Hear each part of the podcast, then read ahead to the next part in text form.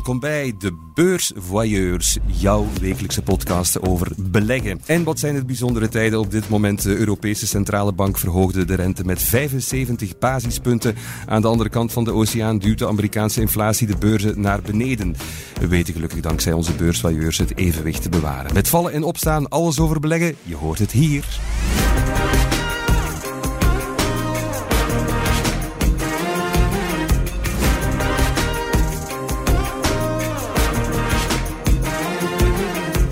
Ik ben hier gelukkig niet alleen om de beursweek te bespreken, maar krijg het goede gezelschap van een bekende belegger en van twee beursvoyeurs. Die laatste twee zijn deze week Ellen Vermorgen van De Tijd en Gert Bakelands van De Belegger. Welkom Ellen en Gert. Hi, dag Thomas. Dag Thomas. Alles goed met jullie? Ja, leuk om hier uh, terug te zijn na de pauze. Dus uh, fijn dat het uh, tweede seizoen van start gegaan is. Dat vind ik ook, Gert. Vind je ook nog altijd plezant hier? Een tijdje geleden inderdaad en blij terug te zijn. Fantastisch om te horen. Jullie zitten hier natuurlijk niet alleen. We hebben een bijzondere gast aan onze tafel, onze erevoyeur van dienst. We haalden hem van de banken in de assisezaal en planten hem in onze stoel hier in de studio. Geen misdadenstraf, geen vermissing te mysterieus. Gerechtsjournalist Farouk Özgunesh. Hoe gaat het met jou? Goed, goed. Het zijn uh, drukke weken. Hè. Je weet, uh, het gerechtelijk jaar begint uh, op 1 september, net zoals het schooljaar. Dat betekent alle henzen aan dek. Ja. En, we zijn er al meteen ingevlogen. maandag op het, het terrorismeproces. Preliminaire zitting. Op zich eigenlijk een zitting die eigenlijk nooit veel aandacht haalt. Alleen was er hier heel veel discussie. Moest je zelf ook in zo'n glazen bak zitten, Farouk? gelukkig niet. Okay. Voor de pers was er wel meer ruimte, maar het, het, is wel heel smalletjes. Het lijkt meer een, een, vroegere telefooncabine, alleen dat er een stoel staat. Oei. Als je daar uh, negen maanden moet doorbrengen, mm, er zijn toch betere plaatsen, denk ik. Maar goed, naast misdaad heb je ook interesse voor de beurs, in economie in het algemeen, mag ik zeggen. Hoe is dat gekomen?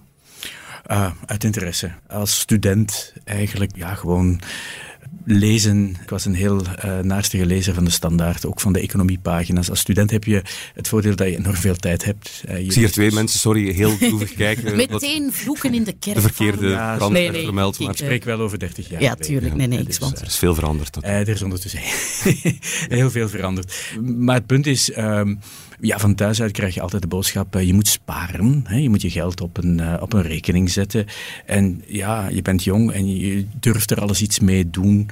Ik, ik ben eigenlijk een, een heel voorzichtig begonnen met uh, obligaties. Op welke leeftijd was dat? Ik denk dat ik toen uh, net van school was. Ik denk uh, 19, 20. Ah, dat is goed, dat is het wel. echt. Dat, dat is nog heel jong eigenlijk. Hè. En toen was de rente nog heel hoog, dacht ik. Ja, ja, ja, ja. En dus dat sprak wel aan. Hè. Dat waren, en je kon dan in de krant kon je dan echt zo de, de tabellen zien. Uh, en dan, ja, zoals je zegt, 13, 14 procent. En dan kon je echt zo vergelijken. En op welke, uh, dat waren dan de interestvoeten. En dan op, op, op welke termijn. En uh, dat is bijna een spel eigenlijk. En ik, heb, ik moet zeggen, ik heb de beurs ook altijd als een soort spel beschouwd. Ja. Je wint, je wint eens een keer, je kan ook verliezen. Allemaal niet zo serieus. Betekent ook niet dat je daar al je geld per se moet insteken en dan hopen dat, dat, dat je goed zat. Ja, je neemt het er gewoon bij. Maar kon je daar goed mee omgaan als het eens fout loopt? Absoluut, absoluut. Ja, omdat je weet wat de, wat de risico's ook zijn. Uh, er wordt altijd gezegd, uh, uh, beleg in een aandeel en dan het zal wel groeien. die buy-and-hold strategie. Ik, ik geloof daar eerlijk gezegd niet in. Ik, ik, denk wel dat er opportuniteiten zijn, dat er kansen zijn, dat je op het juiste moment moet proberen in te springen en dat je ook moet durven loslaten. Dat een aandeel uh, hoe emotioneel je er ook mee verbonden bent, mag eigenlijk geen molensteen om je nek worden. -hmm. En als het zakt, dat je helemaal meegesleurd wordt. Wat ik gemerkt heb, is dat uh, als je stapt in een aandeel en het zakt heel zwaar, dat, uh, dat je dan dat helemaal moet uitzitten tot die koers weer hersteld wordt. En op het ogenblik dat je die koers hebt, dan heb je meestal de reflex van, oef, ik wil, ik wil eruit. Ja. Ik wil mijn geld terug. Terwijl je dan net merkt dat eigenlijk ja. het aandeel uh, stijgt. Ik ben, ik ben gek van uh, technische analyse. Geef mij een grafiek en uh, ik ben de hele dag zoet. ja, absoluut. okay. En als je aan mensen vraagt, als je een beursgrafiek ziet en je vraagt aan mensen waar zou je kopen, dan zegt, wijst iedereen naar beneden, hè, de laagste koers. En waar zou je verkopen? Daar helemaal van boven.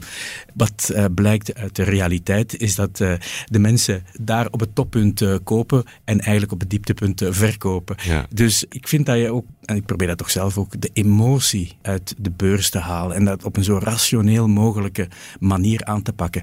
En dat denk ik dat je dat kan doen door met grafieken, hè, charts, met uh, candlesticks. Uh, er zijn verschillende technieken voor waarbij je eigenlijk je emotie achterwege moet laten en moet luisteren of kijken wat, ja. hoe de kaarten liggen. Wat was het eerste aandeel dat je ooit kocht? Mijn eerste aandeel was eigenlijk UCP. Dat speelt zich af um, begin jaren uh, 2000. Ik was uh, net verhuisd en mijn uh, huiseigenaar, de huisbaas, een gesprek en zei, ah, ik werk bij UCB. Oh, ja. Die zat bij de coatingafdeling weet ik veel. Hij was heel tevreden over zijn job. En ik dacht van, oh, dat is een inside tip. Dit is een, uh, Het gaat goed met de UCB. En uh, ik ben dan ingestapt. Ik herinner mij de, de, de, de prijs nog, 50 euro. Uh, ik dacht van... en dat, dat, bleek dan ook de top te zijn. ja. Wist ik veel. Dat heeft, ik denk, zes jaar geduurd voor het terug die koers bereikt heeft. En ik denk dat ik het verkocht heb uiteindelijk voor... met, met kleine, kleine winst. Maar ik wou het ook niet verkopen, omdat ik, ja. uh, ik dacht op dat moment, nee, nee, dat, dat komt wel goed. En uh, ja, uiteindelijk, ik ben verhuisd. Maar en dat aandeel is ook verhuisd eigenlijk. Ja, leergeld. Maar goed. Ja, maar goed. Ik wil maar zeggen, uh, you win some, you lose some. Gert, Ellen, jullie zouden Farouk hier ook al ontmoet moeten hebben, want hij heeft wel eens deelgenomen aan de beursrally van de tijd.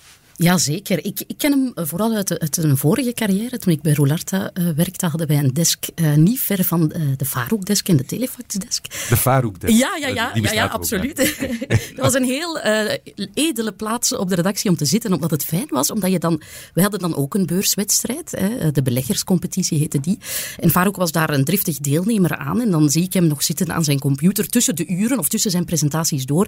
Inderdaad, die candlesticks, die technische patronen in in de, in de smiezen aan het houden uh, in, in die uh, beleggerscompetitie.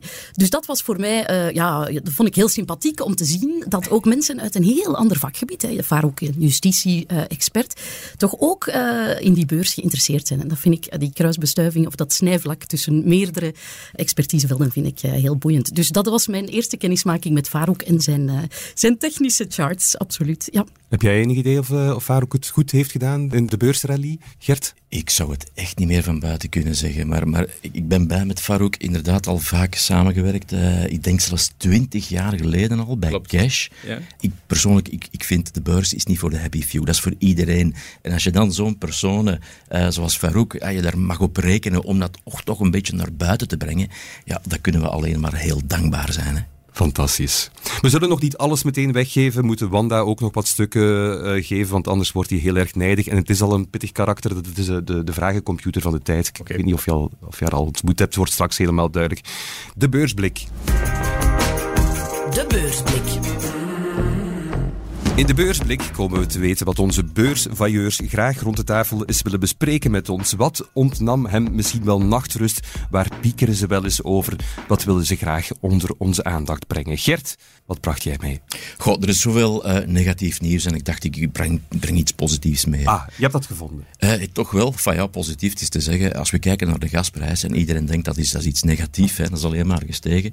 Maar ten opzichte van de top in augustus staan we toch 30% lager. En dat komt dan veel te weinig in het nieuws. Altijd die stijging komt in het nieuws en ik voel dat weegt echt op het gemoed van de mensen, van de consument.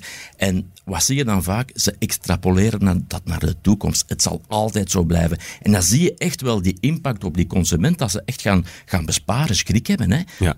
Uh, als die factuur komt van de gas, wat gaat dat zijn? Niemand weet het. En, en, en we komen dan net uit een periode post-corona dat iedereen zo een soort van knaldrang had, hè, geld spenderen, want we hebben allemaal maar één leven. En nu krijg je net exact het tegenovergestelde.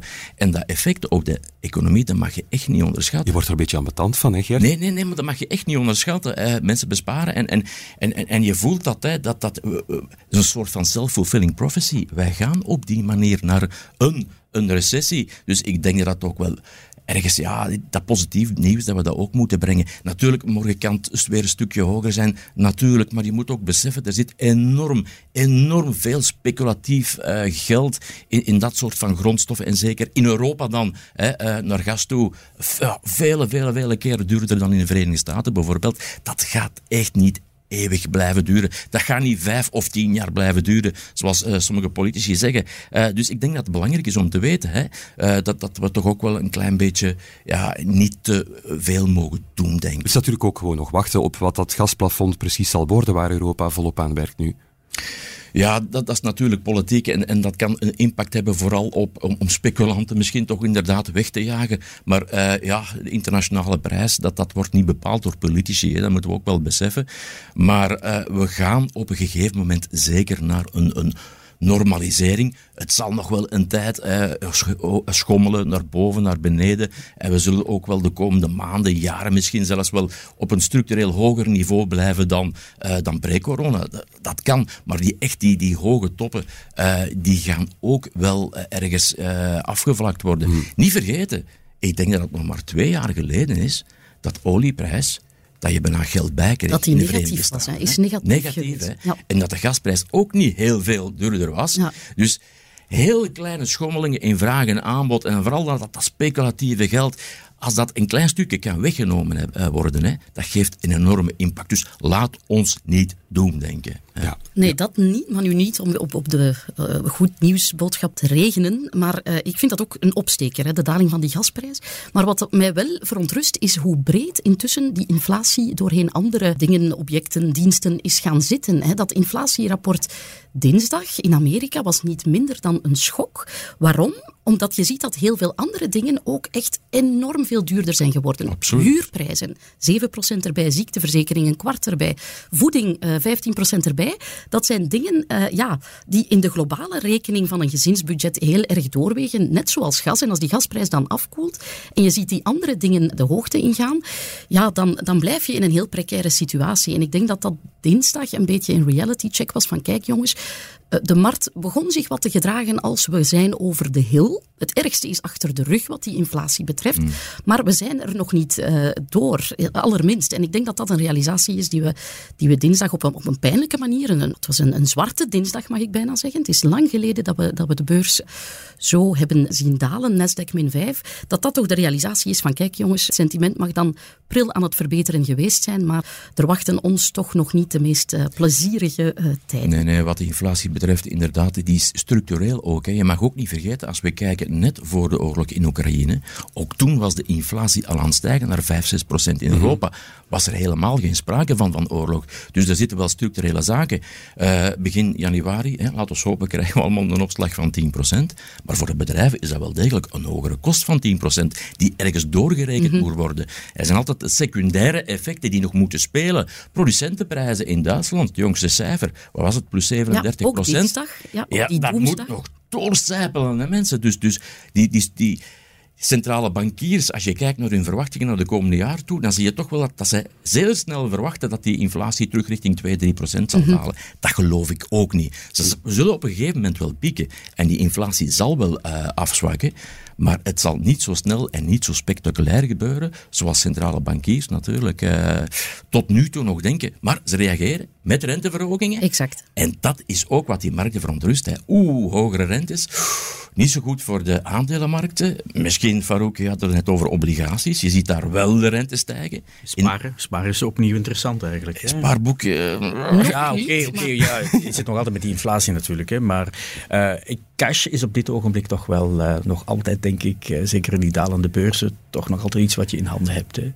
als je op een gegeven moment, op het juiste moment, we spraken net over timing, ja. instapt, dan is dat een, een, een inderdaad is het, een, toch wel een goede positie om over cash te beschikken. Dat klopt, ja. Als je dollars hebt, hè, want uh, het moet menig munt. Uh, ja, ja, ja, ik denk uh, dat je nu, als je dollars hebt, blijer bent dan in eender welke andere munt. Ja, wat nieuws heb jij mee? Los van die schok die we dinsdag kenden, ja, de sterkte van de dollar heeft toch iedereen verrast. Voor mij is het de ultieme, enige, echte winnaar in de woelige beurstijden die we hebben. Het is ja, de vluchthaven. De, de ja, Japanse yen speelt niet meer mee, want daar is nog wel monetaire souplesse.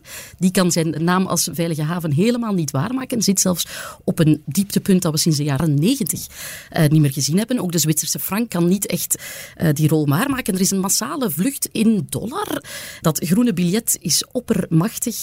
Ja, voor mij is dat toch iets waar beleggers ook rekening mee moeten houden. Want dat heeft natuurlijk, als jij in dollar belegd bent, heeft dat een gunstig omzettingseffect effect als je het naar euro gaat omzetten. Maar vice versa kan je daar ook onder lijden. Je kan eigenlijk ja, er goed aan doen om dat toch extra in de smiezen te houden op het moment dat die euro nu terug onder, onder paritair niveau staat. Ja, het is, het is ja, sterke dollar, ook vooral zwakke euro toch, denk exact. ik. Exact. Het is een zero sum. Als de dollar wint, verliest de andere munt waartegen die wordt afgewogen. En die mhm. zwakke euro is voor beleggers kan toch ook wel, wel een, een geesteltje gaan worden. Ik denk dat je er dan goed aan doet uh, om te kijken van welke bedrijven profiteren er bijvoorbeeld van die sterke dollar. Hè. AB InBev, onze biertrots. Uh, het, is een, het is een Belgisch bedrijf, maar hun omzet in euro is verwaarloosbaar. Dat is 5% van hun EBITDA dat zij maar in euro hebben. Dus dat is een, een bedrijf dat wel echt kan welvaren bij een sterke dollar. Andere dollarverdieners, Sofina, UCB, uh, Farouk onder andere, als je het nog had. Mijn nachtmerrie. Het loont denk ik om er toch bewust van te zijn dat die dollar misschien nog wel een eind uh, heel machtig gaat blijven, omdat het nu eenmaal die, die ultieme vluchthaven blijkt in de huidige uh, beursmaleise. Ja. Was jij daar al rekening mee aan het houden, Farouk? Wel, ik merk dan natuurlijk ook wel dat uh, aankopen, uh, ik zeg maar bij Amazon, ik heb uh, verschillende accounts, zowel in, in .com als FRDE. Ik probeer altijd af te weten mm -hmm. wat het goedkoopste is. Maar ja, die, die, dat prijsverschil is nu helemaal weg natuurlijk. Mm -hmm. Vroeger kon je nog een koopje doen door iets online te bestellen in, in dollar. Dat voordeel is wel weggevallen, moet ik wel zeggen. Ja, absoluut. Nog een ander puntje voor de dollar. Het is altijd wel een ja, munt met twee zijden. Hè. AB InBev goed, dollarverdiener, maar ook de schulden of de bulk van de schulden zijn uitgedrukt in dollar. En als je dan heel veel schulden hebt, ja, uitgedrukt in euro, stijgen die schulden natuurlijk ook. Het is altijd een beetje afwijken en ik denk het, het dollarverhaal, wie profiteert, wie niet, dat je echt per bedrijf individueel moet gaan kijken wat zijn de voordelen, wat zijn de nadelen. Bedrijven die exporteren in principe, hè, Europa positief in principe, het is geen regel. Je moet het echt individueel gaan bekijken. Uh, wie importeert moet meer betalen hè, in euro's. Dus daar is, is het, zit het dan weer tegen. Dus, dus echt wel, maar het is dat, dat maakt het net boeiend, Ellen. En ja, dat, zeker. dat je dat echt per bedrijf gaat bekijken. Ja. Wie zijn hier de winnaars, wie zijn hier de Ik heb nog nooit zo vaak als een konijn in een lichtpak naar die een euro-dollar zitten kijken. Is het dan interessant voor banken om dollarreserves te verkopen? Ja, dan, dan spreek je van een interventie op je koers. In Azië klinken die berichten luider, omdat daar een aantal munten erg uh, lijden onder die sterke dollar. In Japan, in, in Zuid-Korea. Zuid-Korea de won, een graadmeter voor het sentiment in, in de hele regio. Maar in het verleden is dat niet altijd succesvol gebleken. Dan heb je wel gecoördineerde acties gehad van centrale banken die zeggen, we gaan hier massaal dollars op de markt gooien om, om die uh, dollar uh, in te tomen ten opzichte van onze munt. Maar dat is niet altijd uh, ja, even, even succesvol gebleken, omdat er simpelweg tegen die almacht van, van de dollar, vergeet niet, is de meest liquide belegging die er is in de wereld. Er is niks liquider dan de Amerikaanse dollar. Dus het is heel moeilijk. Je bent bijna geen partij ertegen. Dus ik, ik mhm. betwijfel of centrale banken dat echt, echt gaan doen. En niet vergeet het, nog maar twee jaar geleden, of zelfs nog maar een jaar geleden, uh, streefde de Europese Centrale Bank naar een zwakkere euro. Hè. Mm -hmm. Maar ik, ik heb vandaag inderdaad ook gehoord, de, de, Japanse Centrale Bank, dat die actie zou ondernemen om de yen te ondersteunen. Dus ja. vanuit die hoek inderdaad toch wel wat meer animo. Dikwijls doen ze dat wat handig met woorden. Hè. Dan zeggen ze het verontrust ons wel. Hè. Peking ja. zegt nu ook, oei, de zwakke yuan, ja, het verontrust ons wel. En dat is dan, al, dan hopen ze daar al mee een effect te sorteren. Dan denken ze, oké, okay, dat gaat misschien al genoeg zijn om... Uh, misschien dat we om, in de toekomst weer opnieuw gaan horen over de carry trades. Hè, dat men gaat lenen in een munt van, met een heel lage rente, zoals in Japan, om dan te gaan herbeleggen, bijvoorbeeld in dollar, waar de rente ondertussen op 10 jaar, we zitten on, terug op tegen de 3,50 procent. Ja. Opnieuw, hè? Hoe lang is dat geleden? Doe jij dat ook al eens, Farouk, forex trading? Ik heb dat een tijdje gedaan, maar dat was pure speculatie. Uh, en dan, wat, wat ik ook zeg, uh, daar komt mijn technische analyse dan uh, van pas. Hè. Dat, is, dat is eigenlijk een sector op zichzelf, hè, FX trading.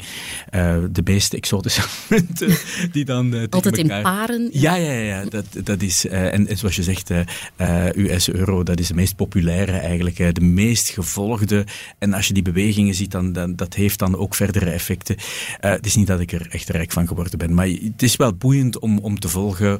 Uiteindelijk, de markt uh, stabiliseert zich wel de hele tijd. Hè. Je ziet, wordt, hier wordt er gedrukt, wel, het effect uh, wordt dan elders wel duidelijk.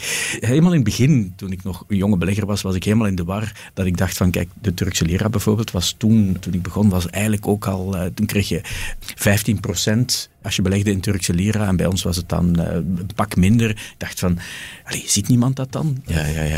je, moet, je moet Turkse lira kopen. en, uh, maar goed, uh, ondertussen weten we wel dat dat is geen ding. Het is niet dat je een slimmigheid hebt ontdekt in de markt of zo. Hè. dus dat, allee, ik kan dat echt wel relativeren. Hoor. Ja, ik ben heel benieuwd wat jij hebt meegebracht uh, voor nieuws, Farouk. Kijk, ik ben iemand die uh, altijd kijkt naar opportuniteiten. Um, wat mij op dit ogenblik nogal bezighoudt, dat, uh, dat zijn de, de ontwikkelingen op, op Web3, zoals dat dan heet. Hè.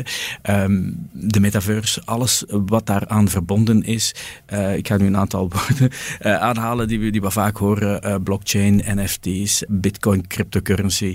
Wat ik daarover lees toch, er is een nieuwe uh, een nieuw internet dat er aankomt. Mm. Dat is een soort tegenreactie aan uh, Web 2, zoals we dat nu kennen, um, dat eigenlijk volledig gedomineerd wordt door de grote techspelers. je merkt bijvoorbeeld dat uh, een Google, een Amazon, YouTube, dat, dat zijn bedrijven die beslissen over jouw content. Die beslissen of jij een sociaal leven hebt op het internet of niet. Als jij een filmpje plaatst op YouTube, ben je daar al geen eigenaar meer van. En uh, YouTube kan op elk ogenblik beslissen om dat uh, te verwijderen. Uh, bij Twitter zien we exact hetzelfde. je hebt die, die platformen, maar iemand anders beslist of je daar gebruik mag van maken of niet. En je merkt dat daar een tegenreactie op komt met dat Web3. Mensen willen opnieuw macht over hun eigen data, over wie ze zijn en zelf beslissen. Wat eigenlijk de aanvankelijke bedoeling was van het internet. Hè. Het internet kent geen enkele restrictie. Je mag doen wat je wil. Uh, je kan, niemand kan je eraf gooien, als ik het zo mag zeggen. En uh, ik verwacht daar toch heel veel van. Het zal niet voor meteen zijn, dat zal een geleidelijke weg zijn. Maar ik denk dat daar ook uh, opportuniteiten zijn.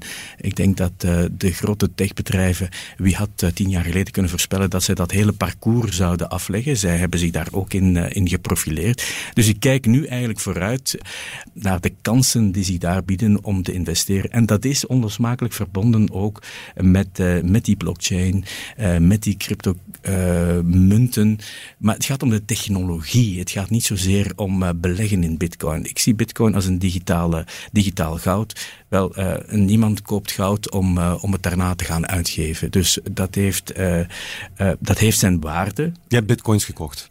Ik heb Ethereum gekocht, al lang geleden. Ik maak ook de afweging tussen uh, Ethereum en, en Bitcoin. En Ethereum heeft eigenlijk veel meer voordelen. Uh, moet ik zeggen, er zijn heel veel toepassingen die gebaseerd zijn op de blockchain van, uh, van Ethereum. Dus ik denk dat daar uh, de slaagkansen of, of de, de groeikansen ja. veel groter zijn. Ja, ik hoor in jou een beetje de, de, een Web3-maximalist. Uh, je gelooft er erg in. Voor mij is de horizon te ver om er al een heel investeringsthema bijvoorbeeld in te gaan zien. Voor mij ligt het, ligt het te ver. Ik ben een beetje een agnost. Ik vind het razend interessante ontwikkelingen. Maar om het als investeringsthema, ja, ik denk dat ik het gewoon een beetje als optiewaarde zou beschouwen. Lukt het ooit en wordt het iets goed, maar ik zou er nu niet uh, uh, gaan inhollen. Je spreekt over massale investeringen. Meta bijvoorbeeld, wat zij uh, doen, ja, dat gaat jaren zoveel geld nog kosten dat ik, ik niet goed weet of, of het op dit moment... Het is ook een heel moeilijk investeringsdomein. Hè. Stel dat je erop wil springen, waar moet je in, instappen? Hè? Ja, crypto is een evidente, want als dat Web3 groeit, zal crypto de facto een belangrijke rol daarin spelen. Dus dan lijkt dat een evidente, maar bedrijven die ermee bezig zijn, noteren denk ik niet echt op publieke markten, omdat dat ook wat ingaat tegen dat heel dat decentrale idee van Web3. Dus ja, dat werkt dan met tokens en dingen die voor mij, uh, ja, ik zeg het, het is niet mijn jive als belegger. Het is iets te, te exotisch en, en de, de, de, proof of the pudding moet, moet nog komen. En, en mm -hmm. Dat is denk ik mijn houding ten opzichte van Web3. Niet tegenstaande dat het enorm interessante uh, technologische ontwikkelingen ja. zijn. Het heeft natuurlijk ook alles te maken met, uh, met financiële transacties. Wij zijn zo gewoon om overschrijvingen te doen, om cashgeld te hebben. Terwijl je in die digitale wereld verloopt het op een heel andere manier. Maar het is zo abstract allemaal. Het is, kijk, dat is het om, het, om, het, om het heel concreet te maken bijvoorbeeld. Hè. Ik heb een zoon die, uh, die gamet. Um, als jij in dat spel voordeel wilt hebben, ik zeg maar het is een gevechtsspel en je wil een extra schild of je wil een, een, een krachtiger wapen, dan moet je dat kopen.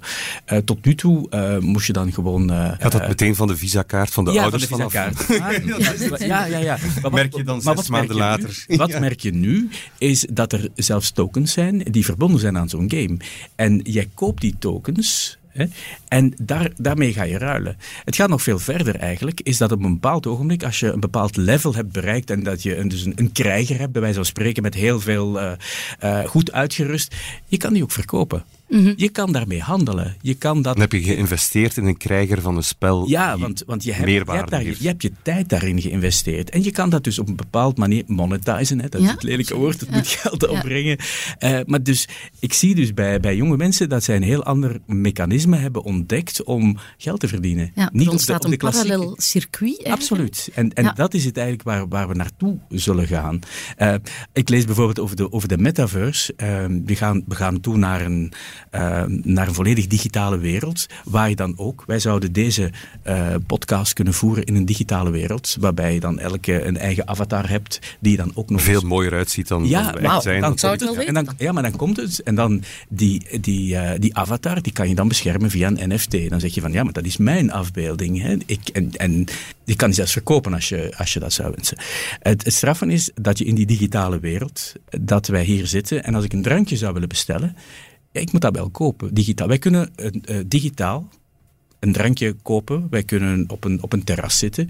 Maar iemand gaat daar wel geld aan verdienen. Ik lees dus dat er nu zelfs uh, een aantal uh, plaatsen, uh, zoals in Miami Beach, hè, waar nu al loten worden verkocht. Exact. Ja, een collega van ons heeft erin gekocht in de metaverse. Ja, ik ga, ik ga jullie zelfs aan elkaar, je kan, je kan zelfs aan elkaar voorstellen. Je kan, je kan een lot grond. Hè? Een lot grond. Je kan daar iets ja. op bouwen. Je kan er een zaak starten. Waar in, mensen in de metaverse die nog in opbouw is. Exact. Ja. Okay. ja. Je, je, kan dus een café starten op een luxueuze plaats of een plaats die heel druk zal bezocht worden. En uh, dan kunnen wij samen op die, in die bar iets gaan drinken. Ik hou intens van, van de blik die Gert Bakelands altijd weer in zijn ogen krijgt als, als het over dit gaat. Het is vooral een blik van dus afgrijzen. Dus, nee, enfin, het, is, het is een enorm interessant en ik denk wel dat die blockchain-technologie dat die enorm veel waarde heeft. Je ziet ook dat de banken en zo daarmee bezig zijn. Het is een, een manier om zich te organiseren. En, en, in die zin geloof ik er wel in, in, in, in alles wat ja, parallel loopt en zo. Ga, ik, ik vind het nu een verhaal van believers en non-believers. Mm. En, en als je echt wel die tweespalt hebt, dan hou ik mij meestal gewoon afzijdig en focus mij liever op, op zaken, bedrijven die nu al mm cashflows uh, genereren. Want mhm. inderdaad, zoals Ellen zegt, het is nu enorm moeilijk wie de toekomstige winnaars zullen zijn. Om dat nu al te identificeren en, en, en te beleggen. Uh, ja, de huidige Amazon en Google's en, en Microsoft. Ja. bedoel, ja, vroeger waren er duizenden bedrijven die niet geslaagd zijn en ook die stap of gepoogd hebben om de nieuwe Microsoft te worden. Dus uh, ik, nee, ik kan me even afzijdig gaan. Ja. Uh, vanaf nu, Farouk, nog een klusje bij voor jou in jouw drukke agenda. Dus uh, Gert op de hoogte houden als het echt gaat gebeuren. Als het echt, als het echt gebeurt. En hou mij in de loop, want ik wil mee gaan feesten voilà. dan in de metaverse. Mee. Ja, we behouden elkaar uh, op de hoogte. nummer. Zien we elkaar volgende keer in de metaverse? Afgesproken. Maar eerst gaan we, gaan we toch eens kijken in uh, jouw buidel. Dat moet keer over zijn. Het is zover. Show me the money. Dan is het tijd om in eigen boezem te kijken, of eigenlijk uh, vooral in de portefeuille van Farouk. Uh, heel benieuwd wat daar allemaal te vinden zal zijn, uh, Farouk. Farouk, er zitten 20 vragen in Wanda verstopt. Dus eigenlijk is het heel simpel. Je noemt een nummer van 1 tot 20 en dan komt er een vraag uit Wanda. Klaar voor? Absoluut. Kies maar een cijfer. Nummer 7. Wat was je slechtste belegging? Het antwoord daarop horen we dadelijk na dit.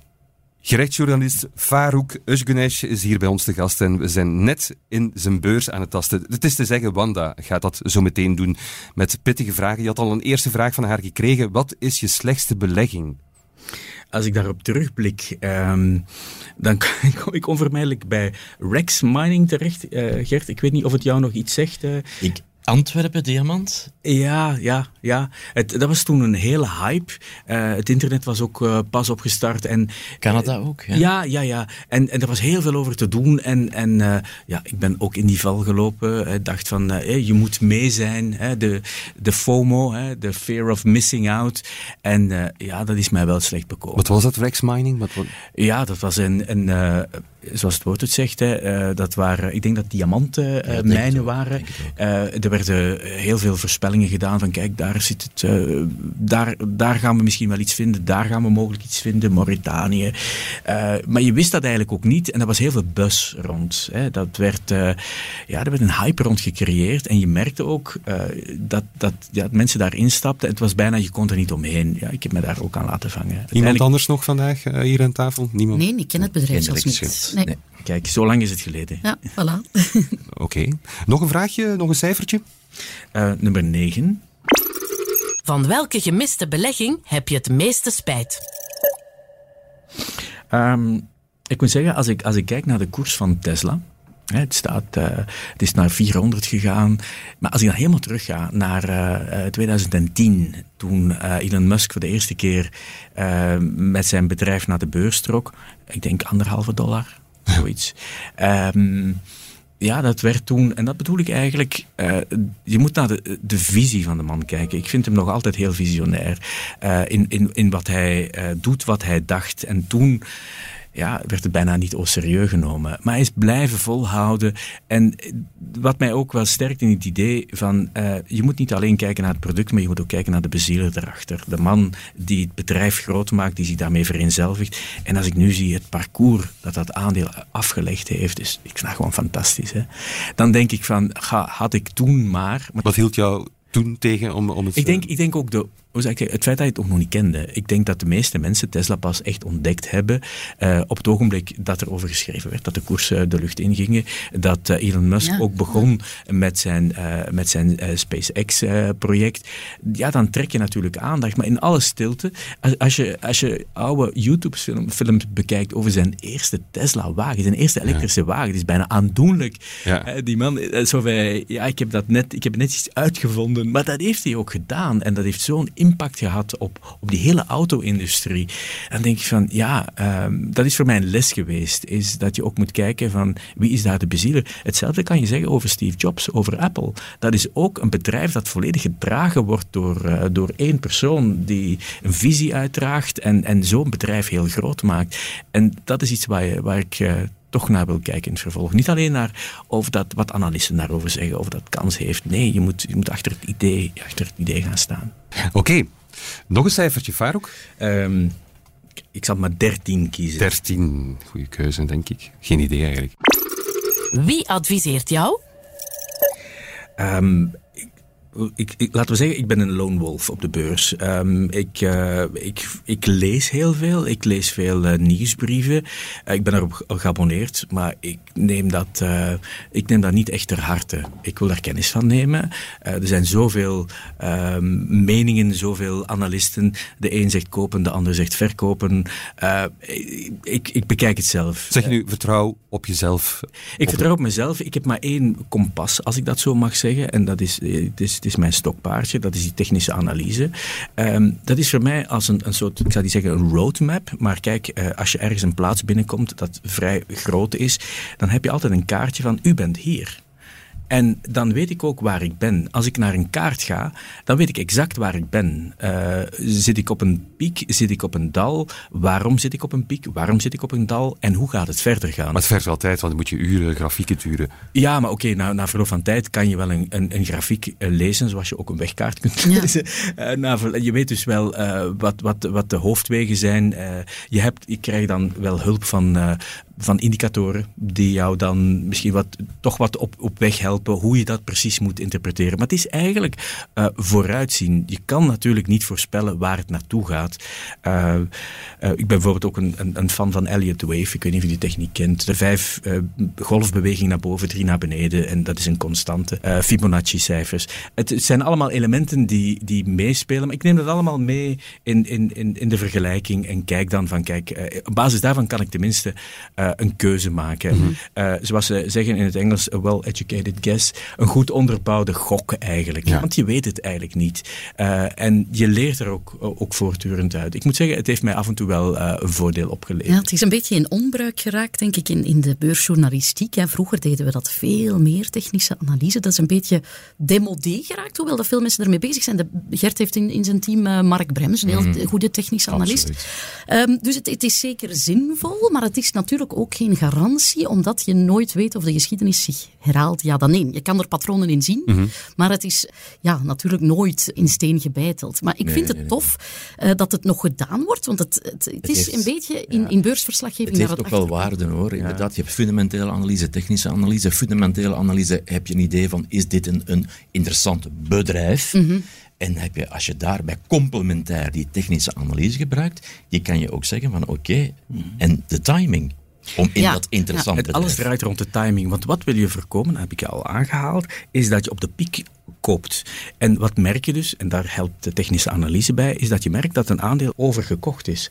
En dat betekent dus, het heeft een punt bereikt en dan het, het, kantelmoment moet je proberen te bepalen. En soms staat dat er gewoon in rode, grote cijfers van get out. Mhm. maar je mag gewoon geen schrik voor een ah, hebben. Dus, en, en dan, dan, je weet, de beurs wordt geregeerd door twee grote emoties, dat is fear en greed. Hè. Uh, de greed is van, ja, maar ik blijf er nog in, ik blijf, het gaat nog verder, het gaat nog stijgen. En fear is hè, van, uh, ik ga het missen, uh, ik ga geld verliezen, de paniek eigenlijk. En ik voor mij is, je moet die emoties uitschakelen. Eigenlijk op een heel rationele manier, zo pak ik het toch aan, op een heel rationele manier aanpakken. Oké. Okay. Vaar ook nog eentje? Uh, twintig dan maar. Wat is jouw einddoel? Mijn einddoel uh, uh, in het leven gelukkig zijn. Mm -hmm. En ook, ehm, ja, je wilt je wil toch, het gaat over de hoge prijzen, uh, dat treft iedereen natuurlijk. Hè. En je voelt daar ook dat je niet veel keuze hebt. Uh, als je naar de supermarkt gaat, kijk, dat zijn de prijzen. En je koopt het of je koopt het niet. Hetzelfde ook met de elektriciteitsprijzen. je kan wel beslissen om, om, om de verwarming wat lager te zetten, maar uiteindelijk, als die factuur binnenkomt, moet je die wel betalen. Dus... Um, wat voor mij belangrijk is, is uh, en dat zijn mijn, mijn toekomstplannen, is ik wil op een dag wel verhuizen. Ik wil verhuizen naar een ander land. Ik wil mijn oude dag, als ik dat zo mag zeggen, uh, doorbrengen in een, in een gunstig klimaat. Mm Letterlijk dan. Uh, ik heb nogal ambities. Dat is heel binnenkort gewoon Antwerpen hoor. Ja. ja, maar toch. ik ga toch iets zuidelijker zoeken. Ik heb, ik heb iets met Portugal. Ik vind het heel aangenaam met mensen. Taal is nog voor mij nog een beetje een handicap, maar ik ga er heel graag op vakantie. het is een leven dat mij bevalt. Dat mediterrane leven. De levenskost is ook heel goedkoop. Dus ik denk dat ik daar echt wel in de meest ideale omstandigheden mijn oude dag kan slijten. Dus ik ben nog van plan om daar een woning te kopen. Dus uh, dat zie ik ook als een investering in, in mijn toekomst. Dus uh, oké, okay, we keren terug naar vastgoed. Maar goed, dat is ook... Uh, ik moet zeggen, mijn huis is over twee jaar volledig afbetaald. Dus er komt wel wat geld vrij dat je toch al die tijd niet nodig had. Dus ik denk dan van, ja oké, okay, laten we daar dan in, in investeren. Ik snap het wel. Maar die, die kwaliteit van het leven vind ik wel heel belangrijk. Mm -hmm en dat is ook heel normaal dat je dan zoekt naar die ideale omstandigheden, waar het klimaat aangenaam is, waar de levenskosten... Ja.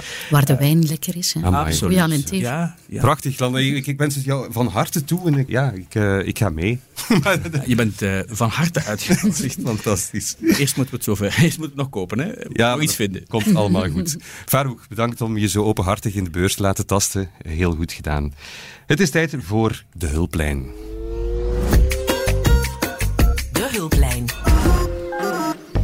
U weet ons toch telkens weer te vinden, beste luisteraar. En dat uh, stellen we zeer op prijs. Want ja, we zijn hier om u te helpen. Uh, we, daarmee bedoel ik vooral mijn gasten mee natuurlijk.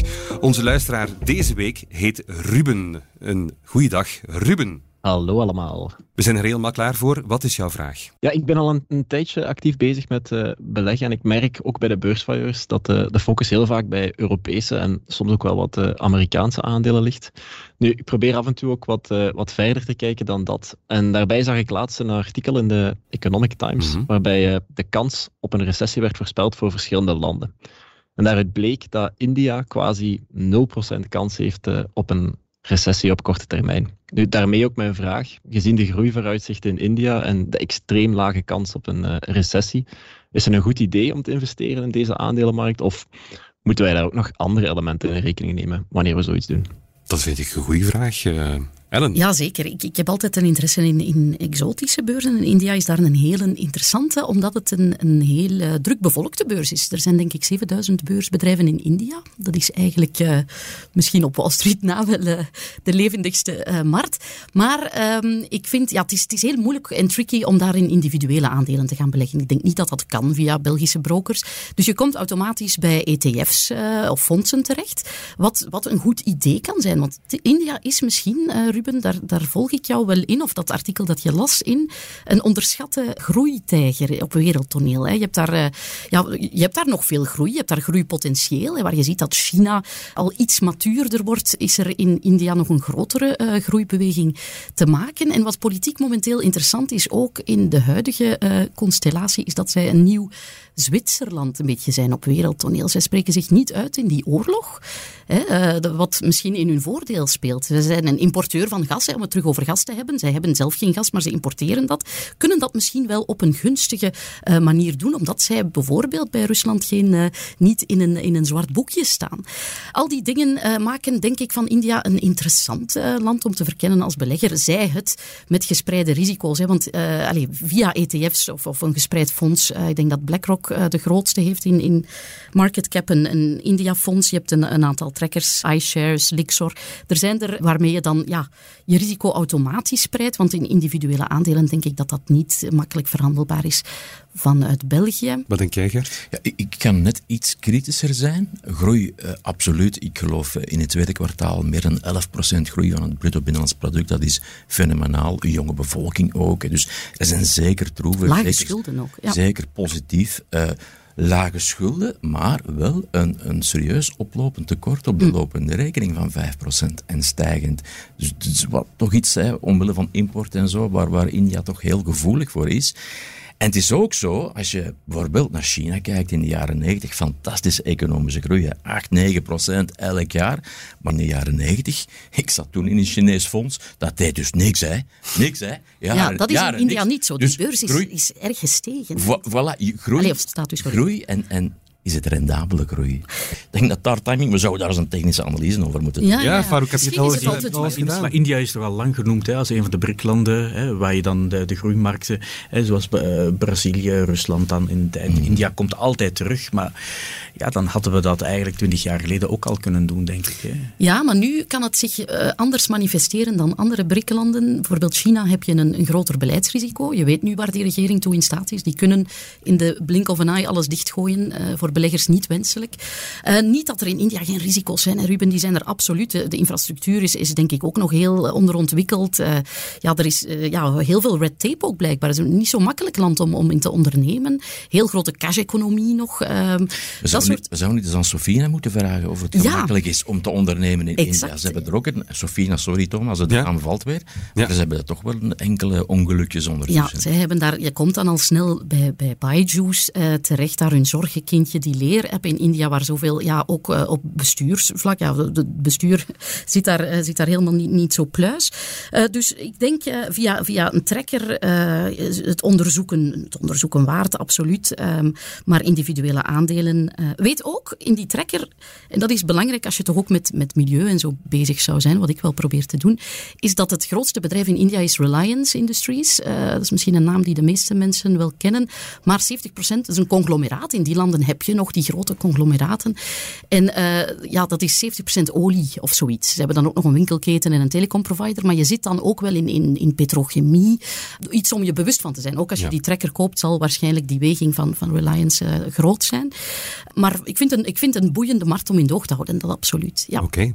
Ruben, heb je hier iets aan? Heb, heb je al vlotte weg gevonden naar de, de Indische beurs? Ja, absoluut. Heel interessante inzichten. Um, ik denk dat ik laatst uh, heb geïnvesteerd via, via iShares in, um, op de Indische beurs. Um, mm -hmm. Nu, ik merk daarbij, en dat is nog een klein vraagje dat ik daarbij had, dat, dat wisselkoersen daar ook een, een gigantisch effect hebben. Uh, is dat iets waar je, waar je ook rekening mee kunt houden om in bepaalde uh, zaken te investeren met betrekking tot die uh, wisselkoersen? Want ja, bij mij heeft dat nu het allergrootste effect gehad uh, op mijn uh, Indisch fonds, moet ik zeggen. Ik denk ook wel dat, dat er een aantal van die grote internationale Indische bedrijven, dus inderdaad internationaal werken en dus uh, mm -hmm. inkomsten ook wel in dollar hebben. Hè. Dus ja. goed, als de roepie dan zakt, dan, dan zakken hun kosten bij wijze van spreken. Dus niet alleen bij wijze van spreken, effectief. Hm. Dus ik zou het niet overroepen, het belang van, van die roepie, omdat de meeste dan toch wel internationaal Actief en dollar zijn. gericht zijn. Ja. Ruben, was dat een antwoord waar je iets aan hebt Absoluut. gehad? Bijzonder uh, interessante inzicht, moet ik zeggen. Heel veel succes. Dan wil ik je enorm bedanken voor de fantastische vraag ook, Ruben. Een fijne dag nog. Dankjewel, jullie ook. Dag. Bye. Ruben. De blik vooruit. Kort al even voorwaarts uh, kijken. Ellen, waar kijk jij nu al naar uit voor volgende week? voor volgende week? Wel, wij gaan een wandeling in Dardenne doen met de redactie even herbronnen. Maar wat ik zijdelings uh, ga in doog houden is wat Porsche dit weekend gaat ontbloten. We zouden meer te weten komen over de details van de IPO. Porsche gaat afsplitsen als een apart beursbedrijf van Volkswagen. Voor mij een van de interessantste operaties, want de, beurs, markt voor introducties ligt, ligt op zijn gat. Hè. Porsche is een grote naam die we gaan krijgen. Ik ben benieuwd naar, naar waarderingen en naar ja, meer details over die operatie. En die zouden dit weekend moeten komen. Voilà. Oké, spannend. Daarover ongetwijfeld meer volgende week ook. Gert, waar denk jij nu al aan? Wel, ik kijk iets uh, verder uit, met name op 3 oktober. En dan ben ik gastheer voor de Belegger on Tour in Heel Leuven. Tof, ja. En in Kinepolis in Leuven.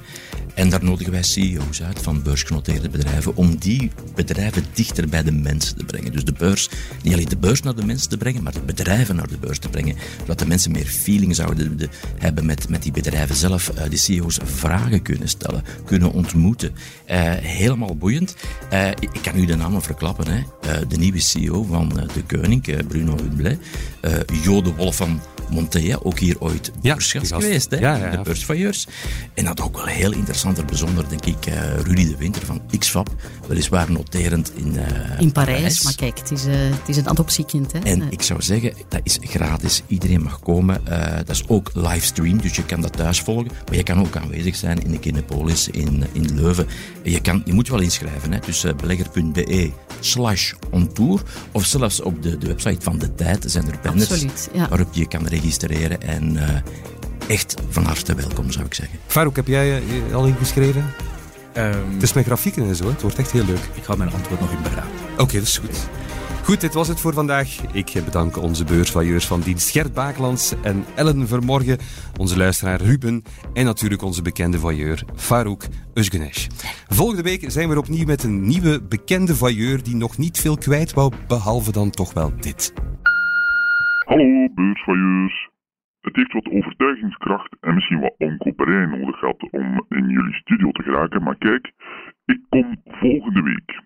Ik leef nu in het verborgene, maar ik was in een vorig leven financieel journalist bij jullie krant, schreef ja, ook een aantal boeken en stond aan het hoofd van een grote federatie. En eerlijk, het kriebelt om over mijn beleggersavonturen te praten.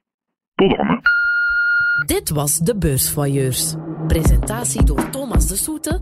Productie door Anne-Sophie Moerman. Mis het beursnieuws niet op tijd.be. Graag tot volgende week.